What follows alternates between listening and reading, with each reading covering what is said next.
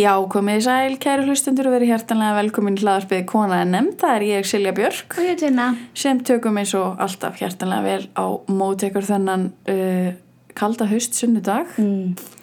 Uh, ég þurfti að skafa af bílnum mínum í morgun og uh, verða að segja nara fan. Nara fan. Ég á ekki bíl þannig að bara, ég er bara not a fan of winter Já, not, not, am, not my season, verð bara að segja það I'm a summer girl through and through Mm. hot summer, hot, nei, hvað var það, hot girl summer? Ný, mm. Já, hot girl summer, það er ég. Allavega hana Velkomin í þáttinn. Uh, Þema dagsins er uh, fótbolti. Nei, Íþróttir, Íþrótt- íþróttir, íþróttir. já. Nei! Nei, það er átt Nei, nei, nei. Nei, afsakið, íþróttir Já, ég er að tala um fótbolta. Já, Já, þegar maður sem þetta sagt fótbolti. fótbolta konu Já, En að áður en við byrjum þá er ég með eitt fyndið sem ég var ekki búin að fatta sem ég var bent á. En hagsmunumfélag hvenna í HÍ heitir Ada eftir Öttu Lovelace. Já, Og ég hef svo oft séð þetta nafn Ada svo oft. Og ég bara tengdi ekki. Og svo sendu þær, mér- sendu þær okkur skilab og bara Hei, eitthvað flott þessi hún- Við, við heitum eftir henni. Ó, Já, obviously.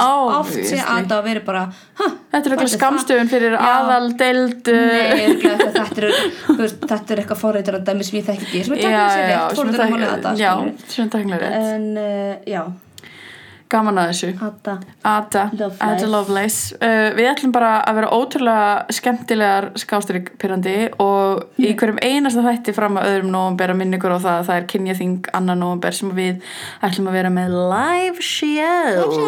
Live show. Það þýðir að þú ert búin að meika það í heimi hlaðavarpana. Já, og uh, þetta verður í Norrannhúsinu annan uh, November og við fyrir á svið klukkan Tvö. 2 eða svið. Við, er, við byrjum okkar er klukkan 2 það er takmarkaða sætafjöldi þannig að allir bara verða að uh, Á, þið verður bara að slást um þetta. fyrir bara að kampa fyrir utan. Já. það er bara allt í góðu. Við stýðum það og við erum nördar við, við stýðum það Já. en allavega það verður uh, kynjaþing annan november í Norrönu húsinu. Við verðum með live show og þeir öll hjartanlega velkomin. Endilega farið á Facebook og finnið viðbyrðin og meldið ykkur þar. Og á meðan þið eru svona í tölvinni getið hendi uh, eitt like og subscribe á kona en nefnd á öllum helstu samfélagsmiðlum Facebook, Twitter, Instagram. Já, og að þið þið eru að hlusta þannig þátt þá skulið þið endilega subscriba Smella. og uh, ég heyrði þær í morgastunum segja gefa engun sem ég er mjög með Ah. að því ég sé alltaf reyta og Já, það er ekki fallegt. og Gef okkur gefið fimm einkunn. stjörnu engun Alright og þeir eru búin hlusta á okkur hlustið þá morgastið Og gefið þeim líka fimm stjörnur að gefið, Jú, gefið Jú, fimm stjörnur gefið Það er eiga að stjörnur, skilið já. Herðu, sjátt á þetta morgkastið uh, Ángríns uppáhalds íslenska podcastið Já. mitt bara by far uh, Og eiginlega bara mikill innblástur fyrir okkur af Því að ég hugsaði ef þær getur gert þetta þá getum við gert þetta líka Og uh, hér erum við í dag Og við skulum bara vinda okkur í konur dagsins Kona er nefnd Amy Mullins. Hún er fætt 20. júli 1975 og er bandarisk íþróttakona, leikona og tískumódel.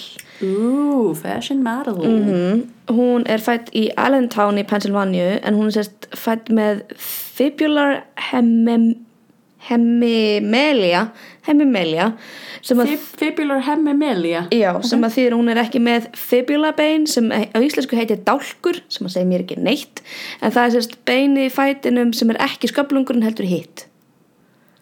Já, sagt, þú veist það eru tvö, bein, svona tvö svona stór bein í neðri fótlegnum og hún bara, sérst, þetta condition er að þú fæðist ekki með fibular bone og það er svona mismundi hvernig hversu alvarlegt það er en það var nógu alvarlegt fyrir hana til þess að uh, hún hérna uh, var svona, hvað heitir það á íslensku svona amputated.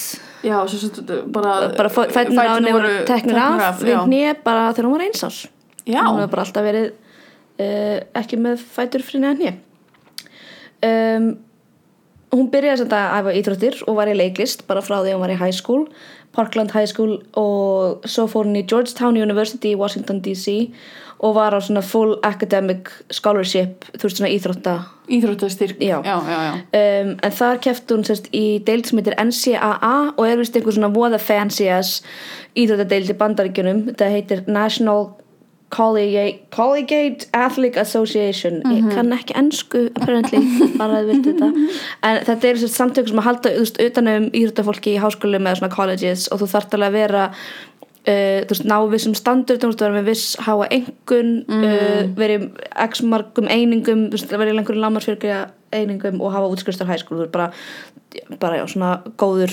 íþróttamæður og góðu nefandi Og góður nemandi, já. já, já, já. uh, og hún var sérst fyrsta manneskjan bara af, af any sex and gender til þess að uh, keppa í þeirri deild sem var sérst fölluð Ah, bara annars hefði bara ófallað fólk keppt í þessari deild. Uh, hún sérst kepp Þetta er, sorry, þetta er það einhvern tímann ef hún er fætt 75, þú veist hvað, Þetta er sent early- 80, snemma 90 já, svona Já, early ok. 90s um, hún keppti í track and field sem ég veit ekki alveg hvað íslenska Ég held að það er ekki bara langklaup nei, þú veist, já, það er sérst það inniheldur hlaup og stökk og köst, þú veist, þetta er bara Frjálsar. Já, Já, basically. Já. Um, en hún sérst uh, kefti aðalega í hlaupi, hlaupum og stökkum. En hún var fyrsta manneskjan Ok, sorry. Þú bara ert ekki með fætur fyrir neðan nýja og þú ert bara eitthvað, ég ætla bara að keppi í því sem maður þarf að nota fæturna mest í. Já, Go get 'em já. Big vagina energy. En hún er mitt hefur líka keft í hérna e, á olimpíuleiku fallara á 96, bæði 100 metra 200 metra hlaup 100 metra 200 metra hlaupi og langstökki og setti heimismitt á þessu þessum olimpíuleikum Jaha, hún bara hún, hún hérna hljóp 100 metrana á 17,01 sekundu ha, já. Ég hljóst ekki fram úr rúmunu á 17,01 sko. þú veist ég næ ekki utan um 100 metrar. Ha Excuse you. Já, og stökk í Ég er ekki, veistu, ég er ekki einu sinni vissum að ég gæti bara yfirleitt hlaupið 100 metra. Ég myndi leggjast niður eftir þrjá. Já, og hún stökk líka uh, 3,14 metra í langstökki og þú veist það er tvöföld ég bara, hún bara Vá. tvær tinnur að lengd sem hún var bara Í, í í langstöki langstökki, já það, sem, það er það sem þú hleypur og þú bara Hleypur svona, stek, stekkur bara. Já, já, já. og ég veit ekkert hvort að það er mikið eða lítið eða eitthvað en það kom allavega fram og mér finnst það mjög mikið. Það meina er það- tvið fyrst tvisvarsunum lengur er, já, já, það er afrek enga síður. Vissulega. Um, hún hætti samt að kef, keppa sérst svona competitively eða svona professionally þannig íþróttum þegar uh, bara 98 þá er hún hvað? 22, mm. 23 mm. ekki Um, voru á mig sko Nei, starffræði who is she? I don't know her. En hún hefur líka verið veist, að halda fyrirlestur og svona vera með svona public speaking og í, hérna, um, þú veist, til, sérstaklega um föllun og svona um íþróttir og konur í íþróttum og fallar konur í íþróttum og svo framvegis. Uh, og eftir eitt svoleiðis fyrirlestur kom ljósmyndari til hennar uh, sem heitir Nick Knight sem mér skilst að sé frægur en ég þekki ekki ljósmyndana þannig að, þú veist, og vildi fá myndana og svona skoða þetta með skilur hvað er fegurð sem er ekki þessi fegurð sem að í þessum litla þrönga kassa sem að samfélagið heldur að fegurð sé. Akkurat, skilur að hún, að hún hefur sagt þú veist, að fólk hefur komið upp að henni eftir fyrirlestra og verið bara ó þú ert svo falleg að sést ekki á þessu tvölluð eins og þetta tvönd get ekki átt saman. Þú veist. Já, já og maður bara svona uh, Ha? ha, ok. En þess að hann hérna, hlutirnir sem að fólki dettur í hug að segja stundum. Ég þú veist, því það líka heldur að það sé eitthvað að þú veist hrósa. hrósa henni og þú veist, hún sagði líka þú veist, ek- hún, seg, hún segir rauninu bara that's fine because I don't feel disabled. Þú veist, hún, þetta er bara hún, hún er bara svona skilur veist, og það er svo sem einhver pólitík inn í, inn í samfélagi fallara sem, sem að tala um þetta með að, að um, sagt vera fötluð, vera með fötlun þú veist, orðanótkun Mm, og þannig mhm. sem að ég ætla svo sem ekki að fara að gaspröfum akkurat núna af því ég er ekki búin að kynna mér það nógu vel Nei skilurðu. og þetta er líka kannski veðhlaup sem við eigum enga hesta í Nei, einmitt, en eins og hún segir bara, veist, þetta er bara, hún er bara svona eða þú veist, hún hefur aldrei þekkt neitt annað skilur Akkúrat. og einmitt líka bara, já, ég er alveg sæt sko, eða þú veist, það kemur svona fótan á mér ekkit við, eða skilur Nei, nákvæmlega og líka bara fáránlegt í, að segja þetta bara, og alveg sama hvernig fólk lítur út, þú veist, myndir vera eitthvað svona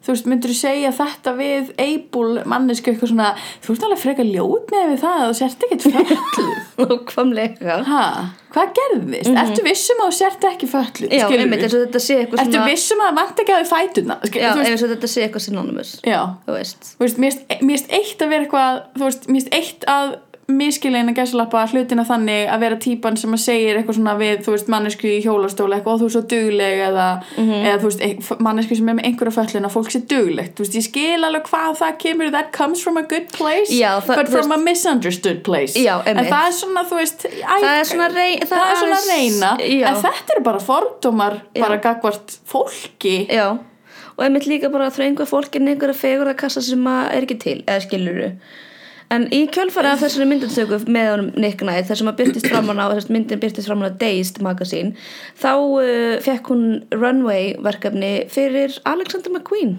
Já, vinur okkar McQueen. Já, í London 99 og hún sérst opnaði sjó hjá Alexander McQueen. 99 99 uh, og þá var hún á sagt, svona uh, hvernig líst hún svona hand carved wooden legs made out of solid ash ask sagt, já, Tré, bara já. og þau þau eru ótrúlega fallegir bara þú veist, já, hand carved, bara þvílít svona einhver munstur og eitthvað í já, já, og fólk fatta ekki að þetta væri þú veist, gerfifætur, þetta lítið bara út þessu já. Um, og mér skilst að hann hafi fengið smá gaggrinni á sig eins og hann hafi verið, þú veist, að nota hana, skilur við eitthvað svona haha, look þú veist, sjáu mig ég er með, þú veist, minn hlutahópa eða eitthvað en hann var bara, nei, þú veist hún upplega ekki þannig, hann upplega ekki þannig þú veist, hann var mitt bara eitthvað, ég meina hún er falleg og lítið út sem mótel og Akkur má þá ekki bara nota- vera þú veist, já, já. Vá, þetta er svona uh, you can't win Já, situation einhvern veginn, akkurat. Vá, hann sem hefur alltaf verið svona frekar inclusive og frekar svona, já, akkurat já. nákvæmlega. Eða um, var greið, rest in peace. Jú, jú, rip in pieces. I'm not even sorry, mér finnst þetta alltaf fyndið uh, Í kjálfari vann hún sér bara mikið sem mótel, kom fram í Vogue, Harper's Bazaar, Elle og fleiri svona magazines bara. og var ótrúlega flott, hún var að tala um hérna, þú veist, hvernig uh, af, af því einmitt hún er með gerfifætur að það, þú veist, það er að gera svo margt með það, það er að gera á hana fætur sem einmitt eru ekki eins og fætur af fólki, áfætluðu fólki skilur Já. og þetta, þú veist, hún hefur verið í myndatökum þess að fæturnar, þess að hún var sérst, um, svona ha- half cheetah, half woman Mm. þú veist, fæturnar á henni voru svona cheetah legs og hún var með skott og eitthvað Mm. og þú veist, það hafa verið búin til einhverjir úr einhverju svona, þú veist, ekki gleri en lítið út, þessu gleri og er einhver með einhver svona skrauta eitthvað, hún hefur miklu meiri möguleika heldur en við mm. skilur við til þess að svona transforma sér sem manneski Já, já, þannig að einmitt, þú veist, ef eitthvað þá er þetta þú veist, kostur, eða skilur þetta hjálpar henni Akkúrat. að vera mjög specific mótel, skilur og þú veist, gefur henni eitthvað edge sem að önnur mótel hafa það ekki Akkurat, akkurat, nákvæmlega. Mm, árið 2009 var hún hluti af herrferð sem heitir 25 Years of Non-Uniform Thinking eftir mann sem heitir Kenneth Cole og árið 2011 var hún eitt andlita L'Oreal og svona ambassador fyrir þau og þú veist, hún er bara búin að vera mótilast mjög mikið síðan hún hætti í íþróttum. Já, um, en hún er líka að gera aðra hluti. Árið 2000, eða sérst, árunum 2007 til 2009 þá var hún fórseti The Women's Sport Foundation sem að Billie Jean nokkur King stopnaði árið 1974 uh, í okkar kona. okkar kona. Og fleiri, fleiri góð tengslu okkar konur. Mm. uh, árið 2012 þá þegar Hillary Clinton var svona einhver ráðherra eða sendiherra eða eitthvað uh, þá sem sagt var hún í svona The State Department's Council to Empower Women and Girls Through Sports sem að sérst Hillary svona Já, appointaði hana í skilur svona nefnd já. þú veist þannig að við erum hérna allar þessar konur bara Þetta er allt eitthvað þetta er allt Já, eitthvað já. tengt Mhm. um, fyrir utan það þá hefur hún líka verið uh, Sports Illustrated uh, kallaði hann einu svona eina af mestu cool stelpunum í íþróttum bara the most, the most cool, girls já, of sports eitthvað. of sport, og svo er sem er alveg góður punktur af því að er, þetta er mjög svalt Já, þetta er það hún er verið, uh, hún er í hérna The Women's Museum í Texas þar sem hún er one of the greatest women of the 20th century. Þess bara bæði fyrir svona íþróttilega afreik hennar og svona, einmitt svona menningarlegt gildi þess sem hún er að gera um, og hefur verið að gera. Olimpíuleikunum 2012 bæði, já, sérst, Olimpíuleikunum og Olimpíuleikum fallara það voru hún og konan sem heitir Teresa Edwards sem er körubóltakona sem voru svona, svona chief de mission svona teimisstjórnendur bandaríska landsliðsins já, já, já, þess allra bandarísku já, veist, svona, já. Þess, þetta er svona, já, svona chiefs það er alltaf svona, já, teimir stjórnundur eða þannig já, já, já, já. sem hún sérst var í þarna- fyrirliðar eða eitthvað svona já, svona, þú veist, fyrir já. bara svona alla, alla, já. sem eru að keppa um, hún hefur verið með þrjá tættfyrirlestra sem eru Já. já einmitt. Að því að þú veist, eins og maður gerir. Um, ég hafði því miður ekki tíma til þess að hlusta alveg á þá alla en þeir eru allir mjög skemmtilegir samt sem aður, ég mæli með þeim. Um, eitt sem ég, sem er stittir sem ég kláraði hérna, þá var hann að tala um að þetta samfélagslega dæmi um hvernig við horfum einmitt á föllun og hvernig við kennum börnunum okkur að horfa föllun þú veist, mm því að börnum er alltaf kent veist, þau læra að vera með fordóma, þau læra að skammast sín fyrir hluti að því að við fullanda fólki kennum þeim það. Um, og einhvern tíðan var hún að fara að vera með fyrirlestur fyrir einhverja 6-8 ára krakka og veist, komið fullt að gera hún ára 12 pör af fótum þú veist, hún getur, hún getur verið mishá, hún bara I can be like five heights. Bara að því að já, punktur bara- þetta já. Why not? Hún bara, já, ég var alltaf svona kringu 5-8 en eins og þessum tættfélistu þá er hún 6-1 bara Já. því að hún vildi það. Já, bara svona reysulegri á sviði og svona. Akkurat. Að hérna um, hún var að koma til að tala um þú veist, sína föllin og sína krökkunum fæturna og eitthvað svona. Og hún, sa- hún sérst, bað kennarinu um að fá að krakkarnir kæmu inn í stofuna fyrst án kennara. Þú veist, þau fengi bara að koma og tala við hana.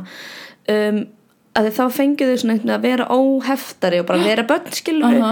og þau koma hérna inn og er eitthvað að pota í hérna, skoða fæturna og tói tallar á þeim og eitthvað bara.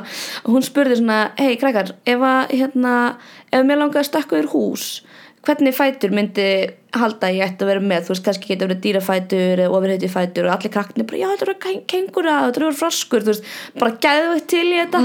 Og eitt strákurinn eitthvað en akkur vill ekki fljúa þú veist og, hún, og þau voru öll bara já, ekki að fljúa þú veist, og hún, eins og hún lísti þá er þetta bara svona þau sáu hennar föllinu mitt ekki sem eitthvað svona sem að heldi aftur af henni, heldur eitthvað sem gæfi henni möguleik já, akkurat. Þú veist, einhverja möguleika sem að þau hefði ekki því Akkurat. þú veist, þau kannski bara með fætur en hún getur verið með svifætur já, einmitt, nákvæmlega. Hversu er það, þú veist með þetta mjög svona svifætur já, með þetta mjög skemmtileg pæling að hérna einmitt að kenna krökkum ekki að horfa á föllun sem eitthvað sem heldur aftur að þér heldur bara, þetta er bara mismunandi líkamannskilur sem getur gert mismunandi hluti. Nákvæmlega, akkurat. Öll, allt inclusivity oh my god, heitir á íslensku uh, búin að gleyma því. Já, já, Efst, að við leifa öllum að taka þátt og leifa öllum að vera með getur bara aldrei verið skadalegt ég bara get ekki fundið í hausnum á mér nein haldbæri rauk fyrir því að það sé skadalegt að vera inclusive nei, akkurat, akkurat og einmitt þú veist, þetta að átta sig á því hvar það vantar inclusivity, inclusivity uh, þú veist, eins og bara með aðgengi á stöðum og svoleiðis skilur mhm, þú veist, og akkurat. núna til dæmis hefur mikið talað um að sérst, sérst, okkar svona tveir hinsegin barir og svo gaugurinn sem er alltaf mjög hinsegin friendly enginn þeirra er aðgengilegur. Kiki, Curious og Gaugurinn ekkert af þessu aðgengilegt. Nei. mér skilst reynir að Gaugurinn sé búin að fá styrk frá Reykjavíkuborg til þess að uh, gera lifti eða þú veist, gera hann aðgengilegan. Já, en þetta er allt náttúrulega á einhverjum tveimur hæðum Pöllum og og pöllum og, þú og- veist. já, mhm. uh, þú kemst ekki einu sinni inn og, þú veist, ég veit ekki hvort að ég veit ekki hvort að Curious á ramp, ég hef svo sem ekki spurt út í það skilur Nei, nei.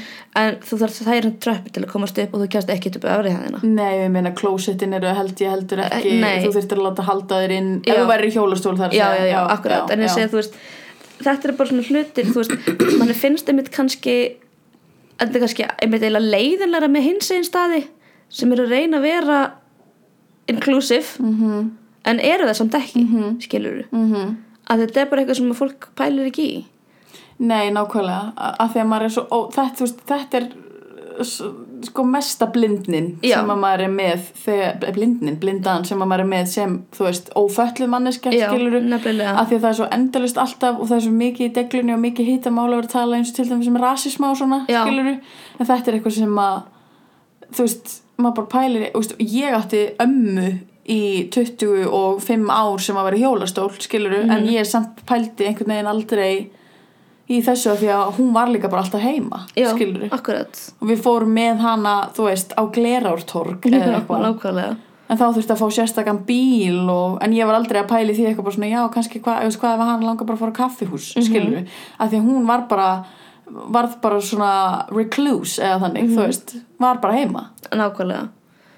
Og einmitt líka þú veist þess, þessi hérna, hugsun meðskiluru að föllun sé þú veist bara þegar þú ert í hjólastól og við möttum að tala um þetta eins og við tölum um þetta við báru -hmm. og þú veist síðan bara með okkar líkamlegu verki skiluru að þú veist það eins og ég sá til dæmis að, að því að núna er ég á hækju að því misti ég mig en ég var að taka sérst liftuna inn á háskólatorki í dag uh, til að fara að funda upp á þriðja hæð og það er sérst miði við hliðin á liftinu sem ég er bara svona bæði svona allt í góðu sem stendur basic sem er eitthvað svona gott fyrir því að taka stígan þú veist, Já. fair enough en þú Aha. veist, meiri sem mér sem tekur nú oftast stígan þegar ég geta fannst þetta samt pínu svona þú veist, að þetta er svo mikið shame skilur Mhm, og þetta er bara svona þetta er svona tiny thing, þú veist. Þetta er út um allt á háskólasvæðinu sko, öllum liftunum já, og veist, og, og meira sér held ég hjá sumum stigunum er eitthvað svona gott hjá þér að taka Já. maður er eitthvað svona I don't need this passive aggressiveness Nei. hérna klukkan 8.15 akkurat. Þú veist þegar ég er bara mætt í skólan skilur bara Akkurat. látið Og mig ég, meina, í ég tek oft liftu þegar ég er ekki á hækjum af því að ég, þú veist, mér er illt í bakinu og mér verður illt í bakinu að labba mikið upp og niður stiga, Já, skilur og stundur bara langar mig að taka liftu Já og fyrir utan það, væri líkamlega hæf en í algjöru ofþyngd eða eitthvað skilur við, þá er það að fara að labba upp og niður stiga og það að einhver skipið er að labba upp og niður stiga ekki fara að gera neitt fyrir sko. Nei. þú veist, þetta er, þetta er svona ó, ég var akkurat að tala um þetta í gæðir við vinkunum mína að allt, þú veist, ef þú ert með eitthvað málstað og allar að berast fyrir einhverju og allar að vera þú veist, þá máttu ekki vera neikvæðir og þú máttu ekki vera með eitthvað svona fasism og skikka fólk til þess að finnast það sem þér finnst. Ég er ekki að fara að hlusta á þetta. Nei. þetta, ég, þetta lætur mig vera bara eitthvað nei, það ætlum ég ekki að fara að fucking stiga það bara væri það ég bara, fokkin það bara verði ég kýr hérna á fyrsta hæðinni. Já, já, Mm, og hvað finnst þér um Já, það? og hvað finnst þér um það? Stíi eitthvað að standa fyrir fram að stigan alltaf þú betist í rúlstæði, Já, hérna Hjælt ekki. Mm. Já, nei, ég er alveg sammála. Ég, hérna, ég hef oft tekið eftir þessum límið með háskjóðsvæðin og ég er alltaf svona eitthvað ah, hættu. Já, mér Svo er þetta líka ókslega ljótir límið fyrir utan það. Fyrir utan það. En já, uh, aftur að uh, Amy Mullins. Amy Mullins. Uh, það er svo sem ekkert þannig sé mikið meira um hann að segja uh, nema að hún er, sérst, hún er líka leikona og hefur leikið einhverju 13 bíómyndum og nýju þáttum þar af þekkti ég næstu til ekki neitt nema Stranger Things Já. Í fyrstu seríun af Stranger Things var hún, og eins og ég nú hef ég ekki séð þetta en mér skilst hún eigi að vera mamma Eleven. Já, ok. Það er sem sé Amy Mullins og þegar ég googlaði þessar myndir Vá. hún er mjög ólík sjálfur sér. Þú veist, hún er mjög svona uh, há og já, með mishá uh, þú veist svona Ég held að þessi karakter standi ekki upp úr stól Nei. í allir seríunni sko. Nei, hún er sagt svona invalid eða það, eða þú veist, hún er skilur veik og bara sittur við stól og horfir á sjónvarpi allan tíman já, emitt það er Já, ok, það er Mrs. Amy Mullins hún hefur líka verið í Limitless hún svo aðalega verið að leika kannski þú veist svona eitt og eitt hlutverk eða þú veist einn og einu Já, þætti skilur svona já. og svo einhverjum bíómyndum um, og svo er hún gift mann sem heitir Rupert Friend sem er uh, breskur leikari Rupert Friend sem er grútlegsta nafn Já, í öllum heiminum. Rupert Friend hljómar eins og einhver bánsi já, þetta er Þetta eins er og besti vinur hans Paddington. Já, e- og alveg frændans Bánsimon já, Já, Akkurat. Rupert, Rupert, Rupert Friend.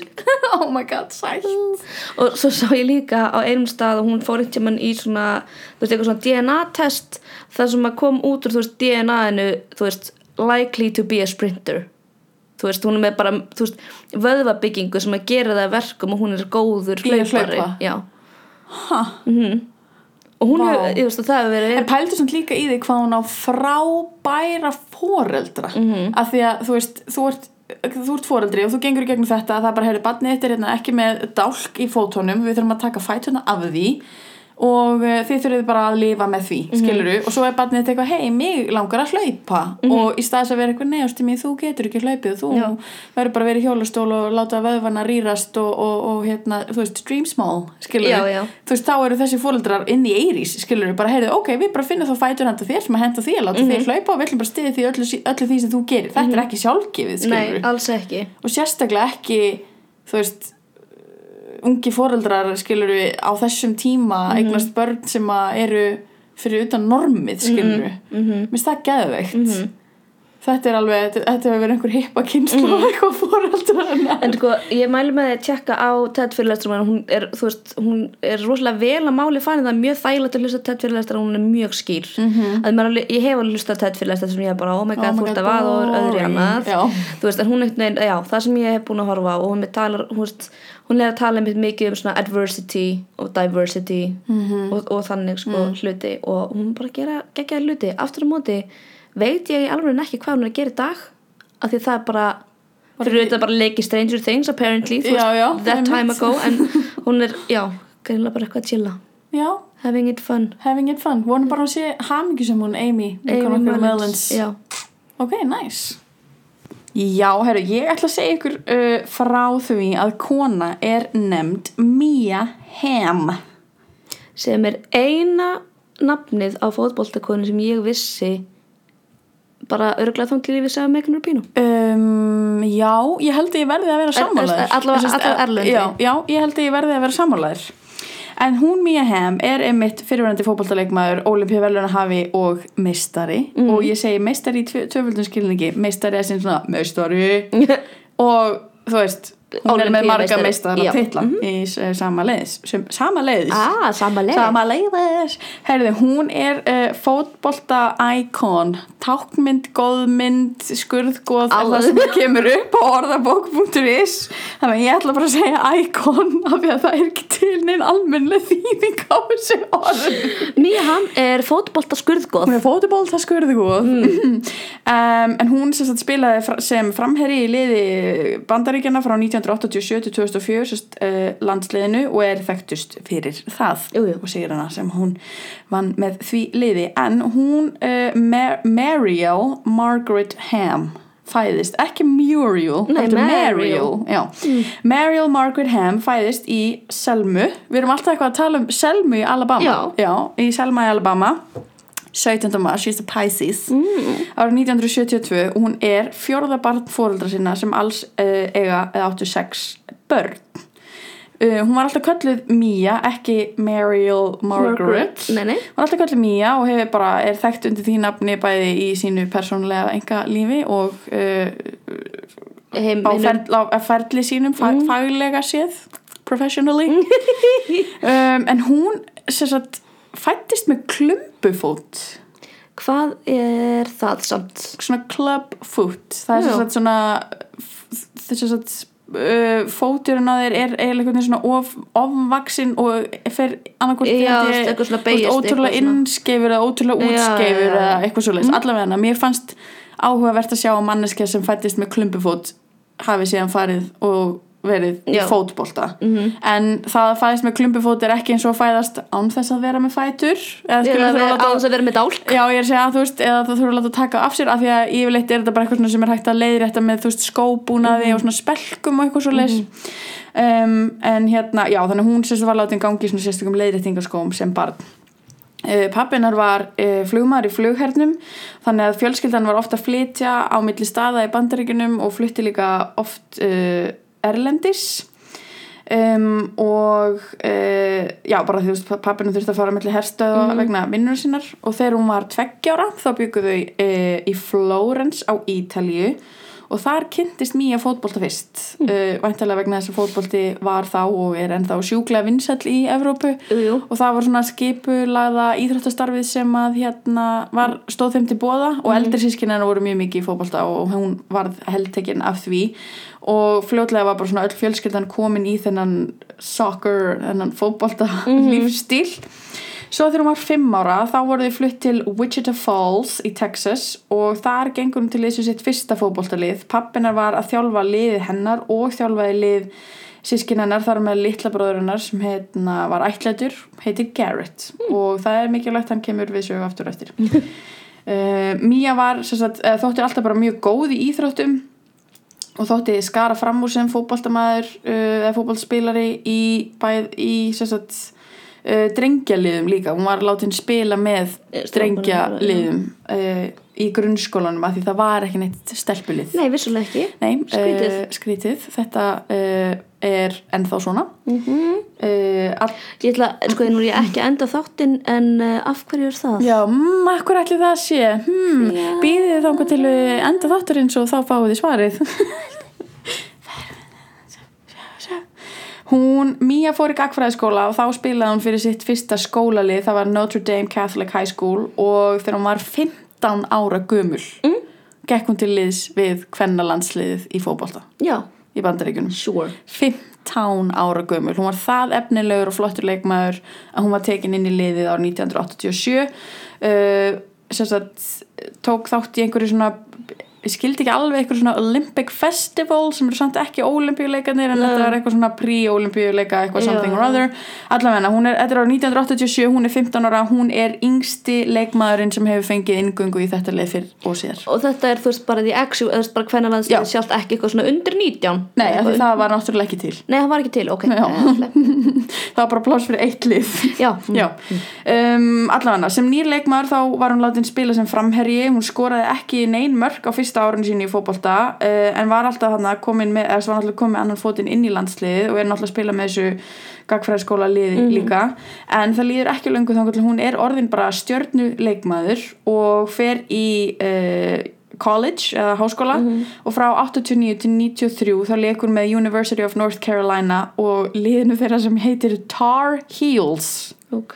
Tjöru hæladnir veit ekki hvað það er. Nei. En af þeim 95 leikjum sem hún spilaði með The Tar Heels þá töpuðu þær einum. Já, bara eitthvað svona cash. Æ, það Mm. hefði eitthvað verið eitthvað þreytar þann dag eitthvað erfitt uh, á fimm árum unnu þær fjóra NCAA, NCAA sem er sem þú varst að tala um hann National Collegiate Association of Athletes eða eitthvað. Mm, Akkurat Já, þannig mhm. en það er unnið sem sagt fjóra meistaratitla á fimm árum. Uh, ára 91 spilaði hún samt mjög fáa leiki með þessu liði The Tar Heels að því hún var fullum undirbúningi fyrir svona fyrstu ofinbyrju keppnin sína með kvennalandsliðinu og það var heimsmeistaramótið í Kína hún útskrifast frá háskólanum uh, með All American Honors Mm. já já All of them All of the American Honors uh, þrjá ACC Player of the Year titla og var kosin kvenkins íþróttakona ársins 93 og 94 Mm. hún er líka með markamet 103 mörg, stóðsendingar 72 og 278 stig sem er eitthvað fáránlegt apparently because football, I don't know Mhm. þegar hún var að spila með uh, landsliðinu þá skoraði hann sitt fyrsta mark í 17. leiknum sem hún spilaði með liðinu sem þykir líka alveg mjög gott það er ekkert sérstaklega auðvelt að skora mörk í Nei, fótbolta er, ekki líka alltaf, þú veist, það er alltaf vissa típur sem er að skora því þú veist, sumir eru kannski meiri vörn eða meira já. að gefa sendingar á þau sem Já. skora svona. og það sérst, þótti mjög svona efnilegt að hún var bara í sínum 17. leik að skora sitt fyrsta mark og hún kefti á fjórum heimsmestramótum FIFA í Kína 91, Svíþjóð 95 og í Bandaríkjunum 99 og 2003 Ok, eitt samt Við veitum það lítið um fótbolta að ef þú hefði sagt, já, hún skoraði fyrir sitt fyrsta mark í 17. leiknum og það var nú frekar slæmt, það hefði verið bara, já, Já, og maður skoraði Já. Já, Svo að því þú sagðir, og það er bara mjög gott, það er bara, já, algjörlega Já, þetta sagði internetið mér því að ég spila ekki fótbolta Þú ætti nú að vera fótbolta Ég er sérfræðingur algjör fótbolta sérfræðingur Já, eftir þáttinu já, megan algjörlega.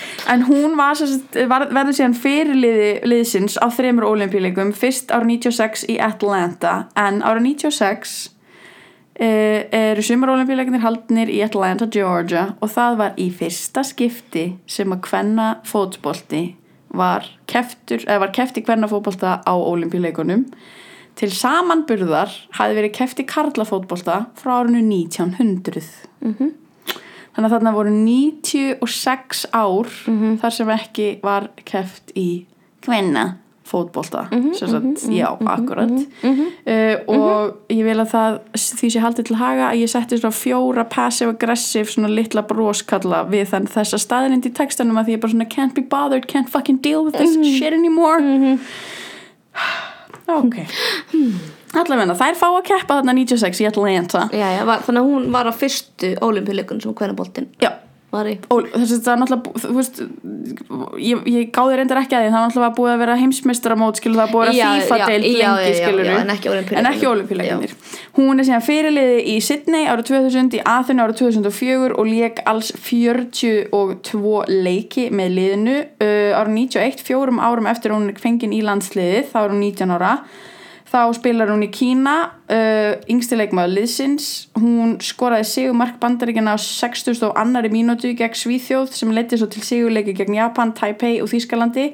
Og bandaríkin unni síðan gegn Núrei 2-1 á heimsmeistramótinu 95 í Svíþjóð þá spilaði stelpunar mjög góða leiki og unnu Kína 3-3 Danmörku 2-0 Byrju, byrju, unnu Kína 3-3 nei, þetta á að vera 3-0 fyrir geðu unnu Kína 3-0 eða kannski, nei, maður get, nei allavega, ekki unnið 3-3 nei, þú getur það ekki allavega, en það sem ég ætla að segja sem var merkilegt á heimsmeistaramótinu 95 var að uh, það voru keppmótið Danmörku og það er unnu 2-0 en Mía var sett í markið út af því að markmaðurinn fekk rautt spjald og yfirgaf völlin uh, og hún varði vel þannig að liði vann vinnur síðan Ástralíu 4-1 og Japan 4-0 og tapar síðan á móti Norri um, Og hún all, í markinu allan þennan tíma þá Nei, bara í da Bara í danska, svona- danska ok. leiknum. Mér varst það bara skemmtilega staðrind um, Þú veist, í ég get ekki verið í marki. Nei. Ég get heldur ekki verið í en allt í lagi.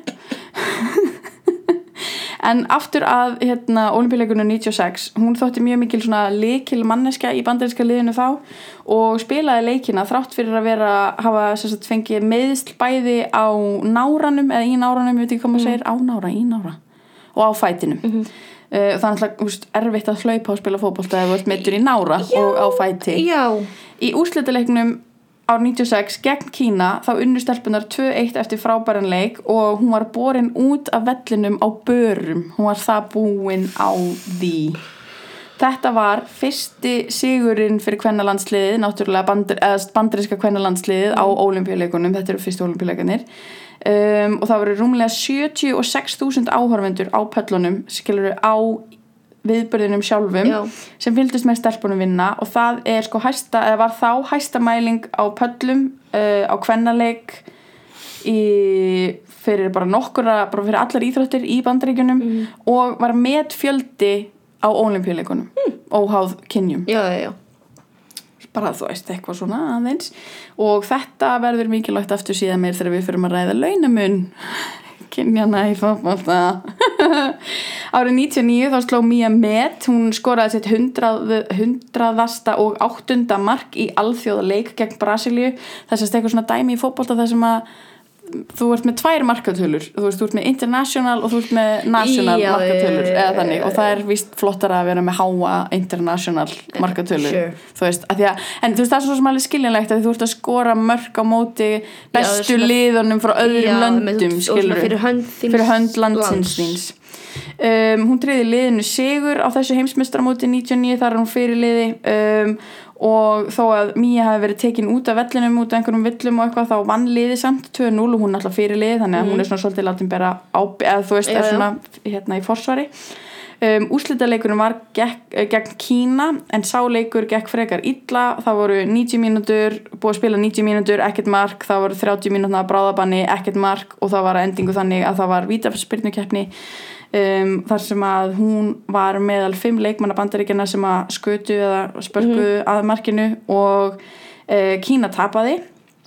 Og þess, þessi úrslutaleikur sló annað met sem að kvenna, sko, sló meti sem kvennalandslið hafi sett á olimpíuleikunum 96 að því þarna voru 90.000 áhorfendur sem fylgtu sætin. Þannig að það er fólk að koma og horfa á þessa leiki. Nei! Já, oh skrítið Skrítið En að því að leikurinn hafi gengið svona lengi 90 mínútur, 30 mínútur og svo vítaspinnu keppni og hafi tekið alveg rosalega á þannig að eftir leikin þá bara hnið hún niður fjall bara í yfirlið, bara hnið niður í búningsherbygginu sínu, eða búningsherbygginu eftir uh, leikin vegna ofþörnunar þannig að hjúgrunarlið þurfti að koma uh, á svæði, setja vökva í æð og dældu bara í hana þremur lítrum af vökva bara til þess að, þú veist fá hana til þess að bara lifna við aftur. Halló, drekka vatn. Já, nákvæmlega. Þetta er ykkar reminder. Setja á pásu, Já. ná ykkur í vaskás Get yourself a glass of water Self-care. En eftir þetta svaf hún í, í 12 tíma samflett Bara búin á því, elskar Já, mín. Já, mm Persónulega finnst mér það ekkert svo mikið. Nei, og líka bara, þú veist, lögadagur fyrir mig Ég var ekki í yfirliði, skilur um, En sagt, þegar hún vaknar Þá bara gerði mín kona sér lítið fyrir Og mætti með liðinu sínu í einhverja sigur myndatöku Skaust í Disneyland í einhverja sigur Rallybílaferð sem var eitthvað fóta upp Eitthvað. Já, ég meina það búið, að hræsa hana við já, já, hún var búin að fá 12 tíma. vökva í æð og svona og, og hérna, og þú veist, hún fór í fullt að sjómasviðtölum og bara fagnaði sigrinum með liðinu liðinu var svo bóðið að fara í kvítahúsið og það er þáðu bóðið í kvítahúsið af því að þá var Bill Clinton fórseti en ekki appelsínugula blaðrand sem við nefnum ekki á nafn.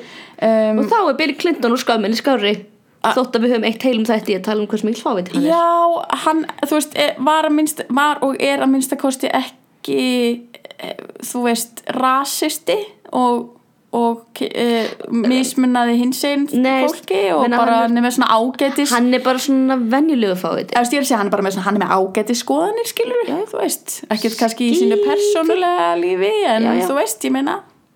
Já, he's a doormat skilur en allt í leið uh, og þar fekk Mía meðal annars að fljúa í fósetaþóttunni, bara eitthvað skust uh, í fósetaþóttunni með Hillary og Chelsea Clinton bara svona eins og maður gerir uh, og það var sett þessi framistæða Míu á heimsmestramótinu 99 sem að tryði henni þennan góðsagna skurðgóð skurðgóðstitil í fótbolta heiminum ég ætla bara að byrja að tala um fólk sem skurð og bara, oh my god, já, hann svo mikið skurðgóð oh my god, hún er skurgóðið mitt að hún er bara skurðgóðin mitt all the way through sko. um, það er heldur ekkert stopp á okkar konu hún leiti liðið síðan á sumar olimpíuleikunum árið 2000 í Sydney bara strax eftir heimsbestramóti 99 Uh, í undan úslitunum þá líku bandaríkjana móti Brasilíu þá skoraði Mía Sigur markið á 60. mínútu og markaði markið he he, hennar 120. og 7. mark á ferlinum og þá sló hún met beggja kynja um flest mörg skoruð á alþjóðlegum leikjum Sem sagt, my girl bara eitthvað svona og þú veist eins og ég segi uh, í mér skilst að það er ekkert svo auðvelt að skora mörg í nei, það, það- er alveg nei. svona veist, það er alveg eitthvað sem að fólk uh, er að slá með 127 mörg á hvað? Þú veist, það er nú búin að spila síðan 87 til Já, 2000, já. skilur uh, allavega bandaríkinn tapa fyrir Noregi í undan úrslitunum, nei, úrslitunum en þær fengu silfurmedalíun á þessum olimpíuleikum Um, og mér langar bara að því sé haldið til haga að bandarísku stelpunar hafa sérst alltaf verið fucking legends í fótbolta og það er fárunlegt að þær fá ekki sömu laun og karlalandslið sem að enginn er að tala um og getur ekki neitt. Nákvæmlega. En samt að þeir alltaf geð mikla peninga og bestu þjálfarana og bestu leikaðstöðunar og það er langmestur að snara ungum strákum í fótbolta og eitthvað. Það bara meikar ekki sens fyrir mér. Does not make any goddamn sense. Wins. Swins en Mía var líka ótrúlega bara vel séð og vel liðin og vinsæl. Um, árið 2000 þá gaf Nintendo út uh, tölvuleikin Mia Hamm Soccer 64 Yeah. fyrir Nintendo 64 leikja tölvunar og það var fyrsti tölvuleikurinn sem innihjalt bara og fókuseraði bara á kvenkins íþróttafólk. Mm. Eðst, og þetta var ekki bara fótbolti skilsminn, þetta var Nei. svona alls konar hérna íþróttir. Uh, leikurinn var rosalega vinsall og seldist í 43.000 eintökum í bandaríkjunum sem mér skilst að sé ágætti sala fyrir tölvuleik sem kemur út árið 2000 um konur með konum. Árið 2001 þá var Mía meðal stopnenda, fyrsta atvinnuliðsins og fyrstu atvinnudeildar hvenna fótboltans í bandaríkjunum. Sess að fram að þessum tíma hafi bara verið hægt að spila fótbolta inn í háskólakerfinu já, eða í bara sem, landsliðinu. já, svo bara sem hobby eða þú veist, já. Já, eða að segja, skilur, þú gast ekki, það var ekki neina deildir eða það var ekki Manchester United program fyrir Nei, konur, skilur um, þannig að hún, og þú veist, og þegar maður tala um árið 2001 Mhm. árið 2001 svona. það er þessari öld. Það, er, það er ekki svo langt síðan. Nei. það er asnalega stutt allavega hún stopnar þessa uh, eða er semst meðal stopnenda þessara atvinnudeildar í hvernig fótbolta sem að eða heitir Women's United Soccer Association eða WUSA og þar lék hún með liðinu Washington Freedom. Ég elska Amerikanar amerísk uh, lið ég bara, ég lifi fyrir Washington þetta. Freedom! Washington Freedom! En hún lék með því liði í tvö ár uh, og vinseldir hennar sem leikmaður urðu til þess að Wúsa leikirnir hluti mikið áhorf og fengu mjög góður auglýsingatekjur. Og hún eins og ég var að segja þú veist var ógeðslega vinsæl og hún var notuð sjúklega mikið í markasetningu og bara sem markasefni deildarinnar og fótboltans uh, af því hún var bara svo ótrúlega vel liðin Árið 2001 var líka gerð könnun meðal þúsund stærstu auglýsingastofa og svona auglýsinga executives eða þannig í bandaríkunum og þá var hún kosin most appealing female athlete í svona markasetningar skilgrinningu skilur þú veist það er lang auðveldast að markasetja hana heldur en til dæmis konuna sem kom á eftir henni sem var sko með helmingi færi atkvæði og það var Anna Kornikova. Og ég, þú veist, hún var alveg Ég vinsæl. ég er segja, þú veist, hún, var, hún er tennisspilari og hún var alveg sjúklega vinsæl líka Mhm. og hún var líka framan á öllum auðlýsingum og þú veist, með fárunlega Ég flotta díla. að vita Er líka kosin most appealing male athlete Uh, sko, ég veit það ekki fyrir víst en mér finnst það rosalega líklegt að það hefði verið, að þetta er könn þetta er, bara, þetta er ekki eitthvað kostning sem er alltaf Nei, nei, gerð nei, þetta var nei. könnun sem var gerð þarna 2001 við, veist, og þetta er út frá skiluru markasetningu þannig að það hlýtur að hafa verið gerð Já, veist, fyrir karlmanns markasetningu stráka já, markasetningu já, líka. og meina árið 2001 ger ég ráð fyrir því að það hefði verið David Beckham. Já, ef það er teknir breytt, já, ég meina Anna Kornikova er ekki bandaríska þannig að Ekki hugmynd. Nei, allavega hana, ég bara veit það ekki. Það er fakt tjekkiði mig á því. Um, en þrátt fyrir að leiktíð hennar með Washington Freedom hafi verið stutt og enn stittri að því hún fekk nýja áverkar sem hindur hann í að spila ára 2002 sérst alla vertíðina það var uh, liðið samt mjög vinsælt liðið var gott, þeim gekk vel og hún er að stúrsast í þessu öllu á meðan hún er samt ennþá í landsliðinu og er að snara alla þessa heimsmeistara og Mm. olimpíumeistara titla. Uh, árið 2003 voru hún og köl, Kölvu Kölvubolta. Kölvu Kölvu Kölvubolti. Kölvubolti. Stjarnan. Vá, hvað dagur er í dag? Körfubolta stórstjarnan Michael Jordan. Já, hún og Michael Jordan voru nefnd bestu leikmenn síðustu 50 ára Já, á vegum ACC samtakana Mm. Sem að sýnir að þú veist, það vita allir hver Michael Jordan er og Michael Jordan viljum ekki taka það og honum Michael Jordan var, var rosalega flottur í já uh, þessi maður er tilbeðin á mínu heimili. Það, ég kem úr körfubolta fjölskyldu, ég veit alveg hver þessi maður er. Og, en hún er samt metin á sömu verðileikum og hann, skilur, þau eru bara besta íþróttafólkið á þessum tíma. Um, og þú veist, fólk sem hefur ekki heyrt um körfubolta hefur samt séð Space Jam og veit hver Michael Jordan er. Um, og á þessum tíma þá líku þau líka saman í hérna, auglýsingu fyrir Gatorade. Þau voru svo spæði sponsor af Gatorade og þetta er, oh, ég horfði á þessu auglýsingu þetta er bara 30 sekund auglýsing og þetta er bara the early 2000s personified. Þetta er svona sepia svartkvít auglýsing allir rammarnir eru svona smá skakkir og smá svona, það gef mikil hreyfing og þau eru sagt að keppa í mismunandi íþróttum. Bara þau byrja í körubólta svo í fótbolta, svo eru þau að skilmast svo eru, þau hafnabólta og tennis og eitthvað svona og lægið sem leikur undir er Anything you can do, I can do better. Anything you can do, do better than you. Þetta lag. Sem ég þekki bara Drag Race já, já, og er spilað í svona, þú veist, pönkan einhverju rock Að útgáfu sjálfsögðu. í miðri auðlýsingunni þá er hann, hann eitthvað svona vinnur hana í skilmingum eða eitthvað. Og í miðri auðlýsingunni stoppaði fór sér Gatorade. Break. Og Gatoradein er litaður. Þannig hún, þú veist, þannig allt er sepja Oh nema einn blár Gatorade og einn það appisínu er svo það. 2000 mesta 2000s in the world. Þa, það var bara the thing bara, oh my god, vitið hvað við getum gert með tölvunum okkar núna. Og allavega þau fá sér sopa og er eitthvað svona áhugslag sveitt og eitthvað. Og hann segir eitthvað svona ertu tilbúin í meira? Og hún eitthvað hér, nei, ertu búin að gefast upp? Og hún bara nei, no way eitthvað. Og þau halda áfram og auðlýsingin endar því að þau eru í judo og hún neglir Michael Jordan í gólfið og vinnur hann í judo Já, og þetta er svo þetta er svo mikill postfeminismi og bara svona early 2000s Uh-huh. eitthvað, ó ég bara veist ég lifi fyrir þetta Mhm. ég bara, ég lifi, þetta er geðvegt þetta er svo 2000s, ég get ekki I cannot even ég er mjög spennt að finna þessu sem það eftir en þetta var sko fáránlega vinsæl auglýsing og auglýsing sem fólk er að tala um skilur í dag 15, 16, Mhm. 17 árum síðar skilur þetta er back in the day þegar auglýsingar voru actually eitthvað skilur já, akkurat, já, já, já.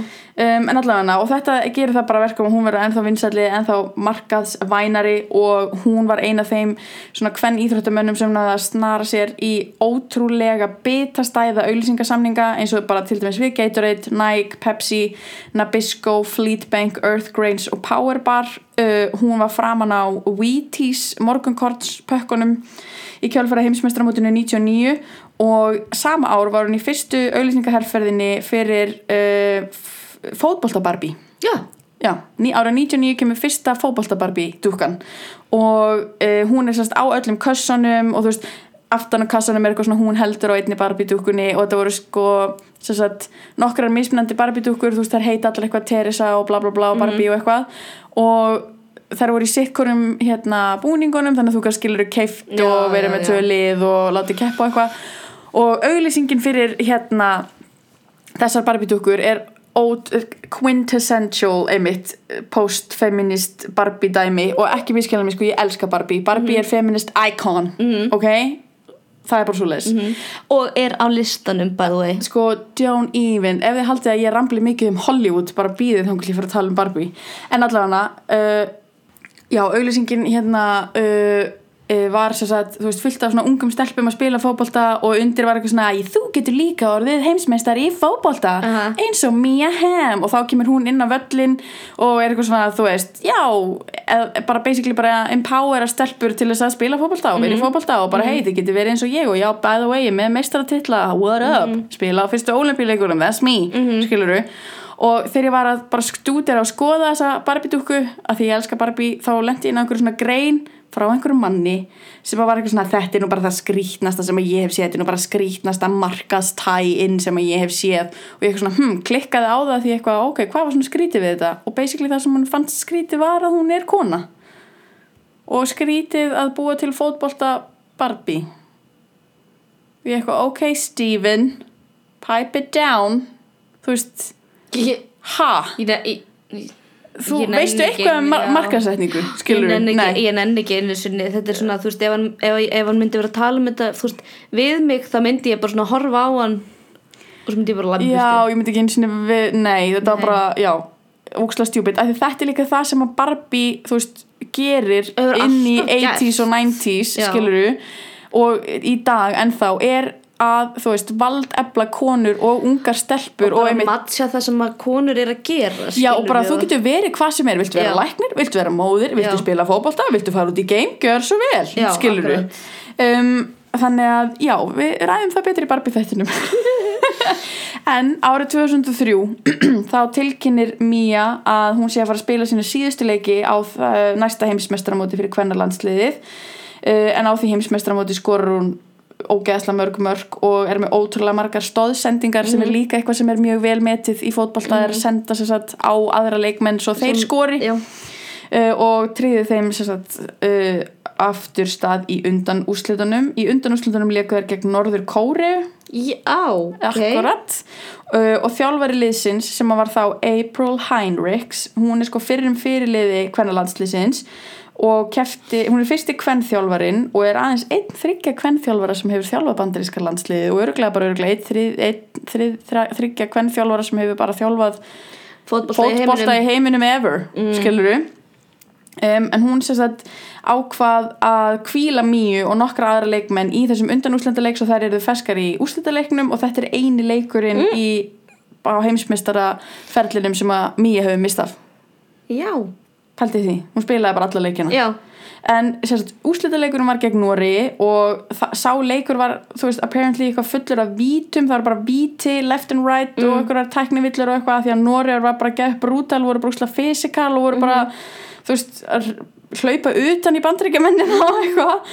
Uh, en þrátt fyrir það, þá unnaði leikin 1-0 töpuðu næsta leik við Þískaland og unnu næsta leik við Kanada og þá voru þær á þriðasætinu í heimsmestramótinu 2003 síðan árið 2004 þá tilkynnt hún ofinberlega að hún hegðist setjast í Helgan Stein eftir olimpíuleikana 2004 Uh, árið 2004 spilaði þær svona vinaleik við Ástralíu og þá skoraði Mía sitt 150.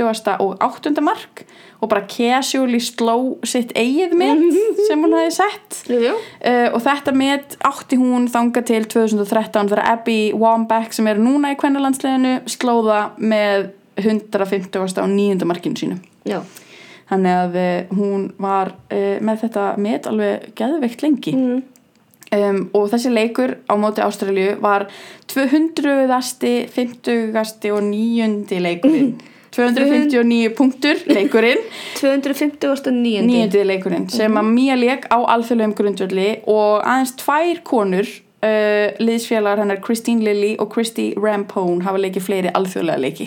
Það er rosalega mikið af alþjóðlegum að Það er líka lot. Mhm. alþjóðlegum leikjum Þetta er ekki, þú veist, það sem hún er að gera nationally Þú veist, bara í vandaríkjum Nei, og það, einmitt, inn í þessa, inn í þessa 260 leiki er ekki teknir allir leikindir sem hún var að spila í þessari Nei, einmitt, með, með Washington Freedom. Nei, og ekki leikindir sem hún var að spila þegar hún var í college heldur, skilur Um, á sumarolimpíuleikunum þá var Mía fyrirliði liðsins í síðasta sinn og triði þeim aðra gullmedalíuna sína í Mhm. mm. aðhennu. Uh, þau, þær leikur sér satt gegn Brasilíu unnu 2-1 og þeirra leiknum lauk og síðasta flautan hljómaði þá bara svona stormaði allt liðið inn á völlin og að henni og fagnaði að því þær voru að vinna annað gullið sitt Mhm. á hennar fa- fyrirliða ferli í, á olimpíuleikunum. Hún var... Og náttúrulega síðasti leikurinn og síðasti- Af því að hún var að hætta Já, já, já, já, já Oh my um, god, ég hefði hágreinið sko. Uh, já, kannski hún var síðan líka valin fulltrúi bandaríkjana sagt allra bandaríkja manna á þessum olimpíuleikum til þess að bera inn bandaríska fánan í loka aðtöfninni sem að þykir svona, þú veist, mikill heiður að þetta er svona á Já. þú veist, þú veist útnemdur af öllum hinum olimpíuförunum og þau verður bara heyri leifum bara mjög að gera þetta. Og hún lappa þannig inn með fánin, fánan mjög fallegt. Um, og sko liðið sem hafi verið þannig mjög stert á hennar tímum og rústa þessum ólimpíuleikum voru sérst líka síðustu leikir fimm annara kvenna sem hafði verið með henni í liðinu frá heimsmestramótinu 91 og hafði unnið alla þess að sigra með henni síðan 91 og þær voru kallaðar The Fab Five. I love it. I love it, I'm here for it. En það var sérst Mia Hamm, Julie Foody Joy Fawcett, Brandy Chastain og Christine Lilly. Og þær eru allar þarna að svona ljúka sínum ferli á svipuðum tíma Uh, á olimpíuleikunum loknum þá fóru Mía og liðsfélagar hennar í svona tíu vinaleikja kveðjutúr um bandaríkin þar sem að þú veist, þetta er bara svona farewell tour þær eru bara að fara og spila fótbolta til þess að segja bless við það að þær séu að spila fótbolta.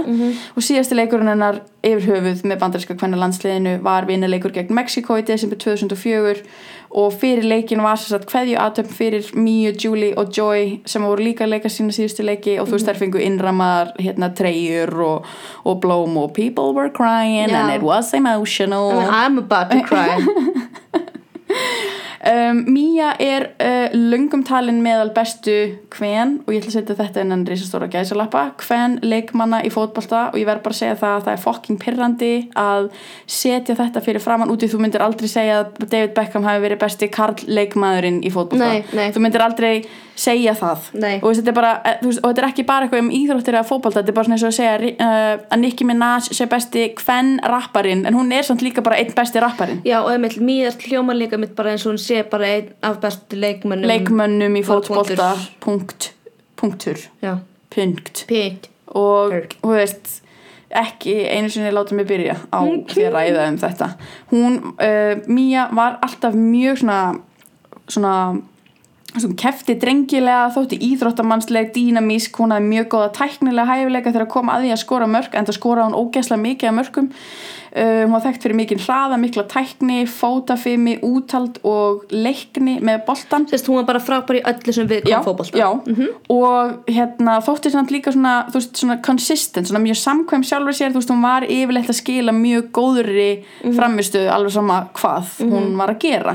Uh, henni var alltaf rósa fyrir leikni sína sem framherji og fyrirliði að því hún einnokaði heldur aldrei boltan og einnokaði ekki völlin og var dugleg að, þú veist fjölbeita sér og liðinu sínu Já. og einmitt vera með stóðsendingar og góðan fótbolta Já, með sem- liðinni, liðinu. sem er eitthvað sem margir host host Ronaldo host host mættu taka til sín. Nei, segi bara svona þetta er mín skoðun, þetta er hot take Hashtag- piping hot take á fótbolta. mín hashtag mín skoðun. Ég horfði á nokkra leiki á HM ok, En- ég veit um hvað ég er að tala en allavega hana þú veist, hún þótti bara bera af og hefur alltaf þótt bera af og er ótrúlega mikilsmetin innan íþróttaheimsins og bara fótboltans. Hún hætti störfum sem fótboltaleikmaður með 158 alþjóðlega mörg á bakinu og var 32 ára gömul. Og það er svona eins og ef þú myndir hætta að vinna eftir, þú veist hvað, þrjú ár? I wish. Já, eða þú pældi pældi að vera bara búin að já, Já, pæltu bara líka í hvað þetta er bara stutt. Þess, ok, hún byrjar reyndar alveg 15 Já, ára. en samt, ég, er samt, þú veist, þú ert samt mjög ung þú ert 32 ára. þegar þú ert bara eitthvað herðið, takk fyrir mig. Þú veist, ég er búi núna. Hún uh, hafi verið gift háskóla ástinni sinni honum Christian Corey sem að uh, þau giftist árið 95 skildu árið 2001 og árið 2003 þá giftist hún hafnaboltaleikmanninum Nomar Garcia Pera sem að spilaði fyrir Red Sox uh, giftist í nómber 2003 og hún uh, talar rosalega fallega um það svona hvernig og hvenar það kom til að hún hætti í fótboltanum. Þú veist, hún segir bara ég elska fótbolta og fótbolti gaf mér svo mikið en ég vissi bara að þú veist toppnum væri náð og það væri komin tími til þess að hætta og vissi líka að þú veist, hún sagði eitthvað svona einhverju viðtali bara I love soccer but I also love being a mom. Þú veist, Já, hún já. vildi líka bara vera, fara bara og vera móðir. Já, já. Sem bara beautiful og það er uh, á skjön við allar aðrar konurnar sem við erum búin að tala um sem eru bara neittar til þess að eigna spönn út af félagslegum aðstæðum og tímasetningu þeirra, Nákvæmlega. skiluru þannig að þú veist, mér finnst þetta líka bara geggja að vera bara, herðu, ég ætla bara að taka þá ákvörðin með mér að þetta er bara það besta fyrir mig í mínu lífi og ég ætla bara að einbytta mér því að vera móðir. Það er bara það sem ég vil Mhm. Gera because make- that is also a job. Já, líka make-up var svo mikið sens, þú veist, þegar þú ert að vinna við svona vinnu, þú veist, vinna við svona fótbolta,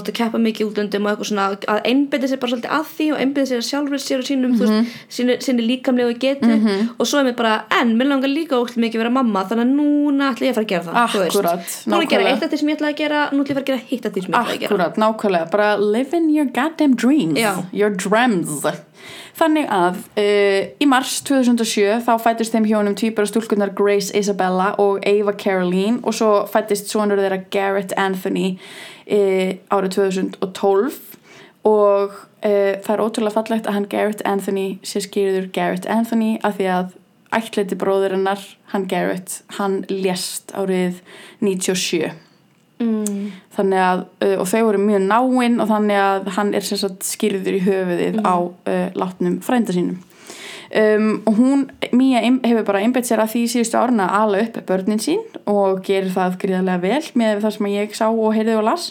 Og hefur einbett sér líka að þessum góðgerðarsamtökum sem að hún stopnaði í nafni bróðu síns. Uh, þannig að hún er ekki búin að uh, sitja auðum höndum síðustu 15 árin síðan hún hætti þessu fótboltastandi. Uh, ég kem aðeins aftur að þessum góðgerðarsamtökum á eftir. Um, hún hefur líka skrifað tvær bækur. Já, ára 99 skrifaði hann bókina Go for the Goal, A Champion's Guide to Winning in Soccer and Life. Já, og þetta er meðsölu bók til, þess, uh, uh, til dagsins í dag. 2004 þá gaf hún líka út barnabók sem heitir Winners Never Quit sem að er svona barnaútgáfan skilur af svona eitthvað championship go get your life together þú veist bara vertus, þú veist hafðu seglu og go for your dreams og go for your goals og winners never quit og hún hefur talað líka um bara hvernig fótboltinn og þetta kynja misrætti og svona hefur influencerað uppeldis aðferðir hennar, þú veist, þau ala upp dætu sínar náttúrulega bara í því að þær geti gert hvað sem er og náð hvaða markmiðin sem er, en hún segist líka passa sig á því að ala upp són sinn með sömu sagt, á sömu fórstendum, Já, þú veist, bara- að konur og allir geti bara fengið allt sem þau vilja og náð öllu og allir séu á jöfnum grundvelli.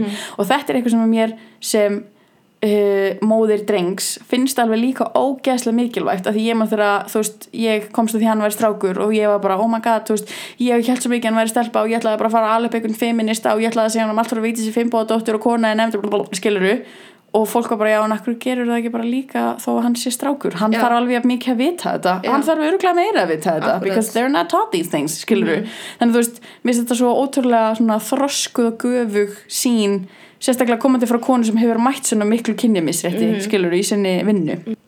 Árið 2012 þegar að þjálfarinn Pia Sundhage lætur af störfum sem yfirþjálfari bandaríska landsliðsins þá var Mía fengin í ráðninganemdina sem að réði næsta þjálfara. Árið 2014 fekk hún ingungu í National Soccer Hall of Fame og World Football Hall of Fame og hún er fyrsta konan sem fær viðurkenningar í fræðarhöllum. 2014 Mhm. Tíu árum eftir að hún hættir. Stop it en hérna það sem hún er að gera núna líka hún á hlut í Los Angeles Football Club sem spilar í bandarísku deildinni og uh, liðinu AS Roma sem spilar í ítölsku deildinni.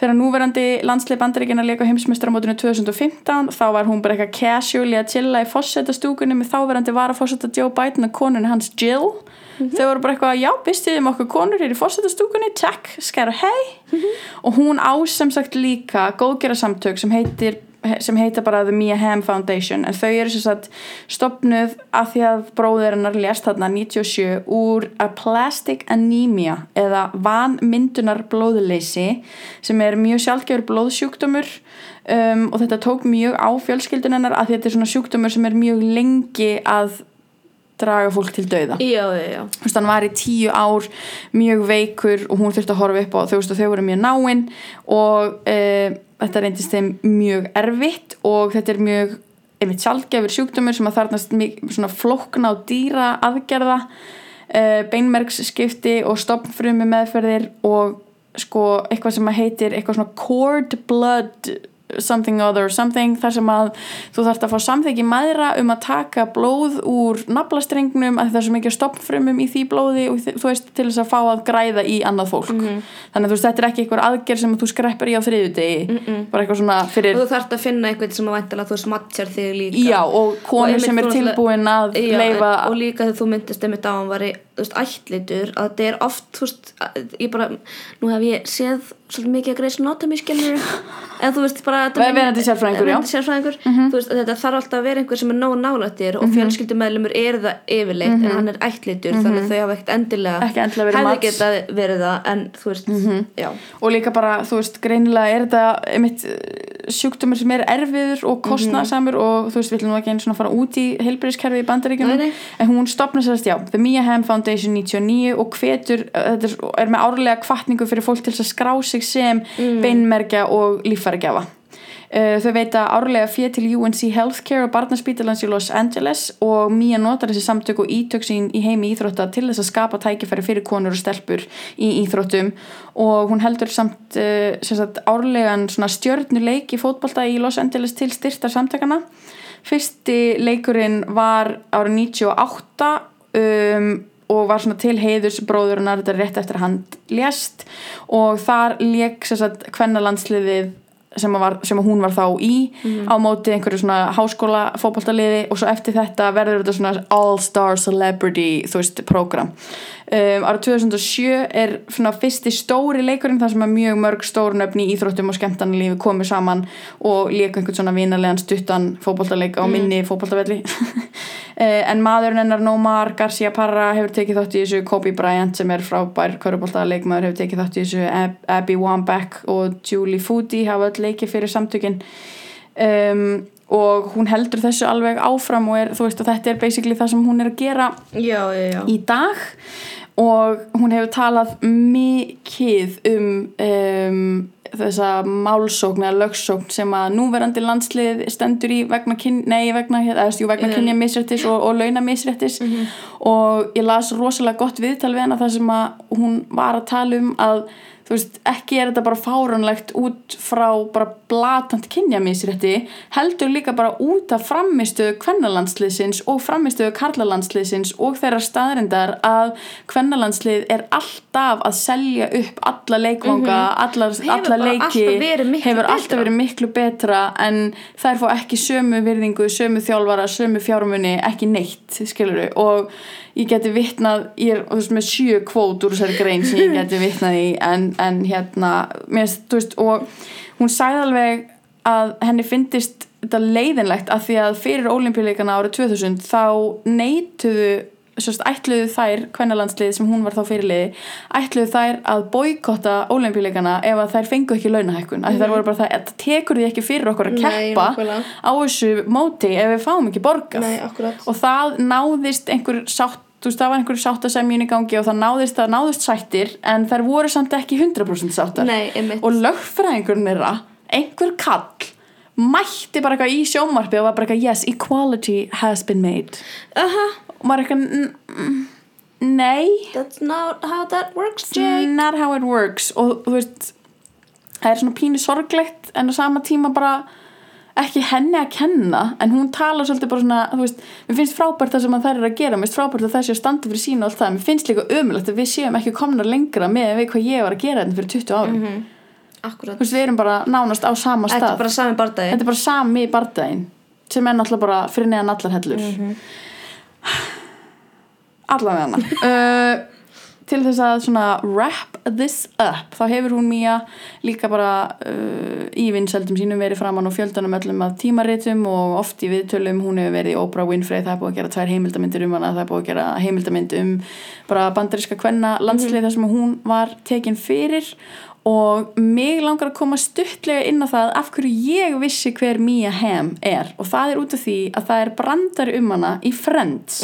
Og þess vegna þekki ég þetta nafn. Já. þetta er sem sagt þegar Rachel er ólétt í áttundu seri og það er sko árið 2003 eða 2 eða eitthvað þegar Rachel er ólétt og Joey er eitthvað svona að finna hérna batni sparka í maðunum og þau vita að þetta stelpa og hún er eitthvað svona oh my god hún er að sparka svo mikið. Hún er alveg eins og þarna æ hvað heitir hún aftur? That kind of annoying girl soccer player. Og Joey er eitthvað who? Mia Hamm? Og hún er eitthvað ah já Mia Hamm. Og ég er bara svona þetta er svo mikið microaggression. Þú veist Þetta er eins og við vorum að tala um Megan Rapino þegar einhver gaur á Twitter var eitthvað við höfum ekki Megan Rapino að því að hún er kona við höfum hana að því hún er wanker og maður er eitthvað, ó hefur þú tal, hefur þú heyrt talað með Ronaldo eða Aha. Wayne Rooney Aha. eða Conor McGregor Ekki, eða Floyd sko. Mayweather ef að þessi þáttur héti kallar nefndur og fyrir töðun á mér þá myndi hann fjalla um Cristiano Ronaldo bara I'm not even sorry ef þið elskir Ronaldo ég gjör samlega þólan Nei, ég veit það. Bara, bara innilega into the core of my being. Þóli ekki Cristiano Ronaldo. Talandi um wanker. Nákvæmlega. En einmitt, þú veist, ég man alveg eftir að hafa heyrt þetta nátt Mia Hamm, þú veist, einhverju í hérna ég held að hafa verið í hérna Sisterhood of the Traveling Pants bókinni. Já, ok. Það er ein þeirra Elskar fótbolta. Ég man eftir þessu þar en ég man líka eftir sem eitt atriður Friends, sko, og þú veist að því þannig er strax verið að segja eins til dæmis mér sem að veit ekki hver hún er Nei, þannig er þið- strax verið að segja mér að hún sé pirrandi og óþólandi og þá hugsa ég svona ok, Já, í ég- bandarísku vernacular þá er hún þessi pirrandi, típa, pirrandi já. og ég típa er alveg saman að ég hef líka alltaf þú veist, svona þú veist, kannski þangað til ég áttaði mig á því uh, að þetta væri fæðraveldi sem væri að gera, láta mann hugsa svona Mhm. að þú veist, ég hef alltaf verið bara eitthvað, já, Mía Hamm hún er svo hallarsleg, ekki hugmyndum hver hún er, nema hvað hann heitir því ég fylgist ekki með bandarískum fótbolta Nei og manni, og manni ef við förum bara ennþá dýpra og ennþá lengra með þetta inn í þetta eitthvað svona ég er ekki eins og aðra stelpur og ég Mhm. ekki stelpulega hluti. Þetta er bara þaðan sem að þessi komment koma, við eigum að tala svona um konur af því að Um hún er pirrandi af því að hún er að standa sig vel, skilur nákvæmlega. þú veist, þetta er bara fáránlegt af hverju er hún pirrandi, af því að síðan þegar ég var að lesa þetta þá gæti ég ekki fundið neinar aðrar haldbærar ástæði fyrir því að hún hafi verið eitthvað pirrandi, Nei. skilur annað en það að hún var bara fucking legend og var sig fucking ég vel er að segja þetta, hljóma bara eins og hún hafi bara ekkert verið neitt sérstaklega pyrrandi Nei. also, þú mátt líka bara vera pyrrandi Já, akkurat Þú getur alveg verið er keppni flott típa já. skilurðu. Nei, og líka, þú veist, þetta er fótbolti Við þurfum ekki, þú veist, þú- she's not an actress Skilur, einmitt. við þurfum ekki að tala með hana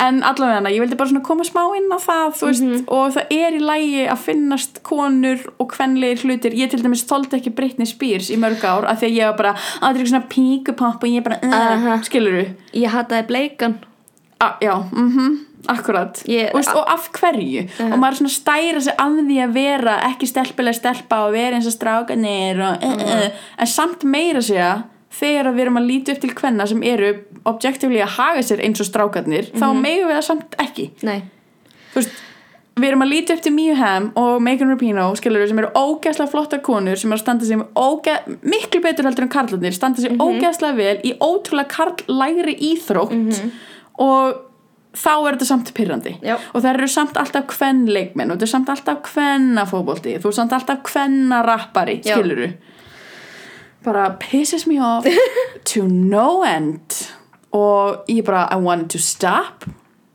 now Mhm. all I want for Christmas is the downfall of the patriarchy mic drop takk fyrir Takk íþrótta fyrir. þáttinn Já, þetta voru þær Amy Mullins og Mia Hamm Mhm. íþróttakonur með meiru meistarar Já. með minna og meiru Já. Og, Og með öllu. öllu. Og getum við please hætt að vera asnar? Getum við please?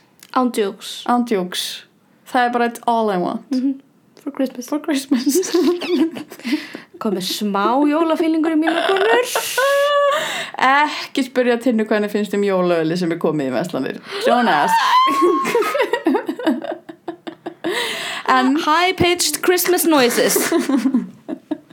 Allavega. Oh my god hvaða jólathema ég að vera með? Mrs. Santa Claus. Apsa eða gríla oh my god Mrs. Santa Já. Claus og gríla ok, sko feðraveldi did them dirty Mhm. did my girls dirty? Mm ég væri líka brjálu ef ég ætti 13 óþekka gauðra Mm, já og mann sem að væri aumingi og alkohólisti. Já. og þú veist já, this is Já. how people go insane. Og fyrir þennan þátt tune in í desember líka það er engin það er engin að fara að ljúa því að mér að Mr. Santa Claus sé einn að standa við og á bak við þessa massífu leikfangaframleiðslu Nei. þú veist, Mrs. Claus has got this, her fingers in that production Apsa hmm. Apsa hmm. ég held að við sem að byrja, byrja ávart nýjan þátt hérna allavega við viljum minningur á að koma á kynjaþingið í Norræna húsinu annan november og þar verðum við með live show. Live show, live show. Hlökkum ótrúlega mikið til að sjá ykkur. En annars segjum við bara takk hærlega fyrir samfélgina í dag, takk fyrir að vera til. Og gleðileg jól, gleðileg jól. Og munum bara að vera góð og falleg hvort við annað og hætta að vera fávitar og hvers vegna það? af því að feðra veldið thank you